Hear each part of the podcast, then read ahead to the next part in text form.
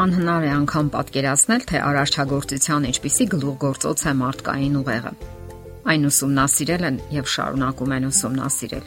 Նորանոր փաստեր են հայտնաբերվում, որոնք ցույց են տալիս, որ ուղեղի կառուցվածքն ու նրա հնարավորությունները պարզապես հրաշքի են նման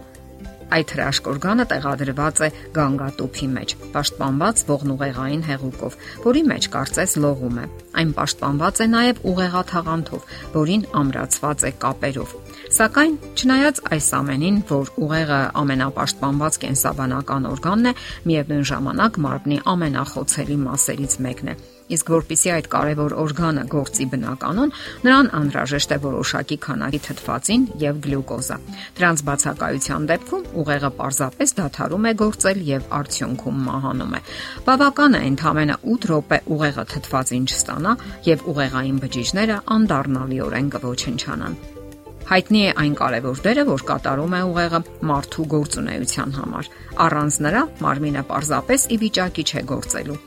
Նա ծառայում է թե որպես մարմնի անխափան շարժիչ, թե որպես տեղեկատվություն ստանալու եւ վերամշակելու, ինֆորմացիան հավաքելու, պահեստավորելու օրգան։ Մեր ուզած ցանկացած պահի նա կարողանում է միլիարդավոր տեղեկատվություններից հանել, գտնել, զտել մեր ուզած նյութը կամ պատկերը։ Այդ առումով նա նման է հզոր համակարգչի միլիոնավոր ֆայլերով։ Իսկ որոշում ընդունելու ունակությունը Այդ առումով որ համակարգիչը կարող է համեմատվել մարդկային ուղեղի հնարավորություններին։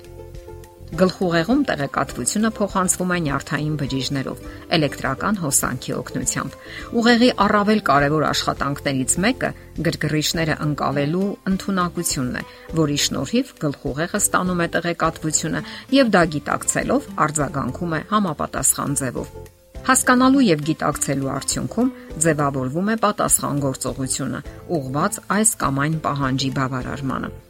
Եվ հենց ուղեղի գործունեությունն է սահմանում մեր անհատականությունը, սիրելու եւ խելամիտ ընտրություն կատարելու մեր ընտունակությունը։ Հիրավի աստվածային օրգան, որ էվոլյուցիան կարող էր այսպիսի տրամաբանական եւ հզոր հնարավորություններով օժտված օրգան արարել եւ այս բոլոր հնարավորություններով հանդերձ ուղեղը նաեւ խոցելի օրգան է եւ հանգստի կարիք ունի։ Այդ հանգիստն ապահովվում է քնի միջոցով, որովհետեւ մեր նշած բոլոր գործընթացները կախված են քնի եւ արթուն մնալու հերթագայությունից։ Ահա թե ինչու քունը եւ ուղեղի գործունեությունը սերտորեն կապված են։ Առանց մեկի անհնար է պատկերացնել մյուսը։ Եվ այսպես, քունը գիտակցության առավել խոր փոփոխությունն է, որը զգում է մարդը յուրաքանչյուր 24 ժամվա ընթացքում։ Եվ մարդը կանոնավոր հանգստանում է ամեն օր։ Եթե մարդը երկար ժամանակ բնականon չի քնում, նրա մոտ կարող են առաջանալ հիվանդագին երևույթներ, Գինեսի ռեկորդների գրքում նշվում է, որ անընդմեջ արթուն մնալու ռեկորդը բժշկական հսկողության տակ սահմանվել է անցած 100-ամյակում։ 52-ամյա Միկին չի քնել անընդմեջ 11 օր, 18 ժամ եւ 55 րոպե։ Շատերն են փորձել գերազանցել այդ նվաճումը, սակայն ստիպված են եղել դադարեցնել փորձերը, քանի որ փորձարկվողների մոտ հայտնվել են զառանցանքի եւ հալյուցինացիայի երևույթներ։ Հայտնի է, որ ուսանողներն ընդունակ են զբաղվելու դասերով մինչև ուշ գիշեր։ Սկսվում են քննությունները եւ օրերով նույն պատկերն է։ Ողջ գիշեր նրանք չեն քնում եւ ահա սկսում են դրսևորվել քիչ քնելու հետևանքները։ Հիշողության վատթարացում, կենտրոնանալու ընդունակության, աշխատունակության նվազում։ Պարզվել է, որ անքնությունը խախտում է մարմնի բոլոր գործառույթները այն զգալիորեն նվազեցնում է աշխատունակությունը։ Իսկ երբ անքնությունը հաճախակի բնույթ է կրում, կարող են առաջանալ զառանցան եւ հալյուցինացիաներ։ Այսօր շատ գիտնականներ այն հետևությանն են եկել, որ քունը ուժեղ արդյունք է տալիս ուղեղի աշխատունակության վերականգնման գործում, որ հոգնածությունը կուտակվում է ուղեղի ճակատային հատվածում, իսկ քունը ուղեղի ճակատային մասի վերականգնման գործընթացն է։ Ահա թե ինչու մարդու բնականon գործունեության համար այնքան կարևոր է բավականաչափ տևողությամբ առողջ եւ վերականգնող քունը։ Այն պետք է լինի ոչ քիչ, քան 6-ից 8 ժամ, կախված մարդու անհատական պահանջմունքներից։ Իսկ քնելուց առաջ հարկավոր է ստեղծել այնպիսի պայմաններ, որոնք չեն խանգարի լիարժեք վերականգնմանը։ Իրավիճակը պետք է լինի հաճելի եւ թուլացնող անհրաժեշտ է մի կողմ դնել ողջ օրվա հոգսերն ու հիմնախնդիրները եւ պատրաստվել հանգստի հանգիստ երաժշտություն։ Որևէ օգտակար գիրք։ Ընթունել ոչ շատ տանկ լոգանք։ Այս ամենը կօգնի, որpիսի քնելուց առաջ թուլանաք։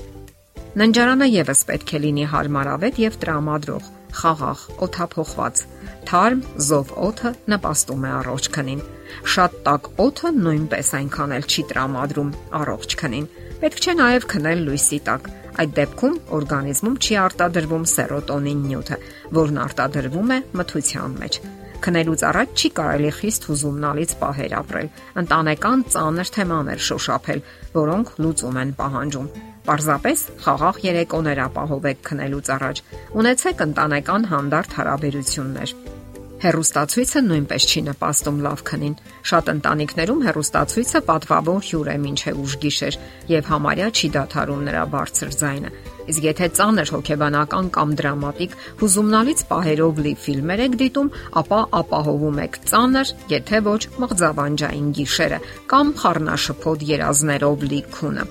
Մեր ժամանակները լարված փոխհարաբերությունների ժամանակներ են Ամենատարբեր ֆիզիկական եւ հուզական հոգեբանական հիմնախնդիրները պարզապես հյուծում հոգնատանջ են անում ժամանակակից մարդուն։ Եվ ահա օգնության է հասնում ամենազոր քունը, որը պետք է վերականգնի մարդուն։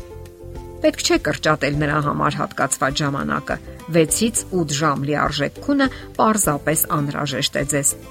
Շատերն են փորձում գտնել լրացուցիչ ժամանակ քնելու հաշվին, սակայն հետո թանկ են վճարում դրա համար։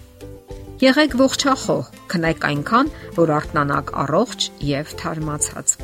Եթերում առողջ ապրելակերպ հաղորդաշարներ։ Ձեզ հետ է Գեղեցիկ Մարտիրոսյանը։ Հարցերի եւ առաջարկությունների համար զանգահարել 033 87 87 87 հեռախոսահամարով։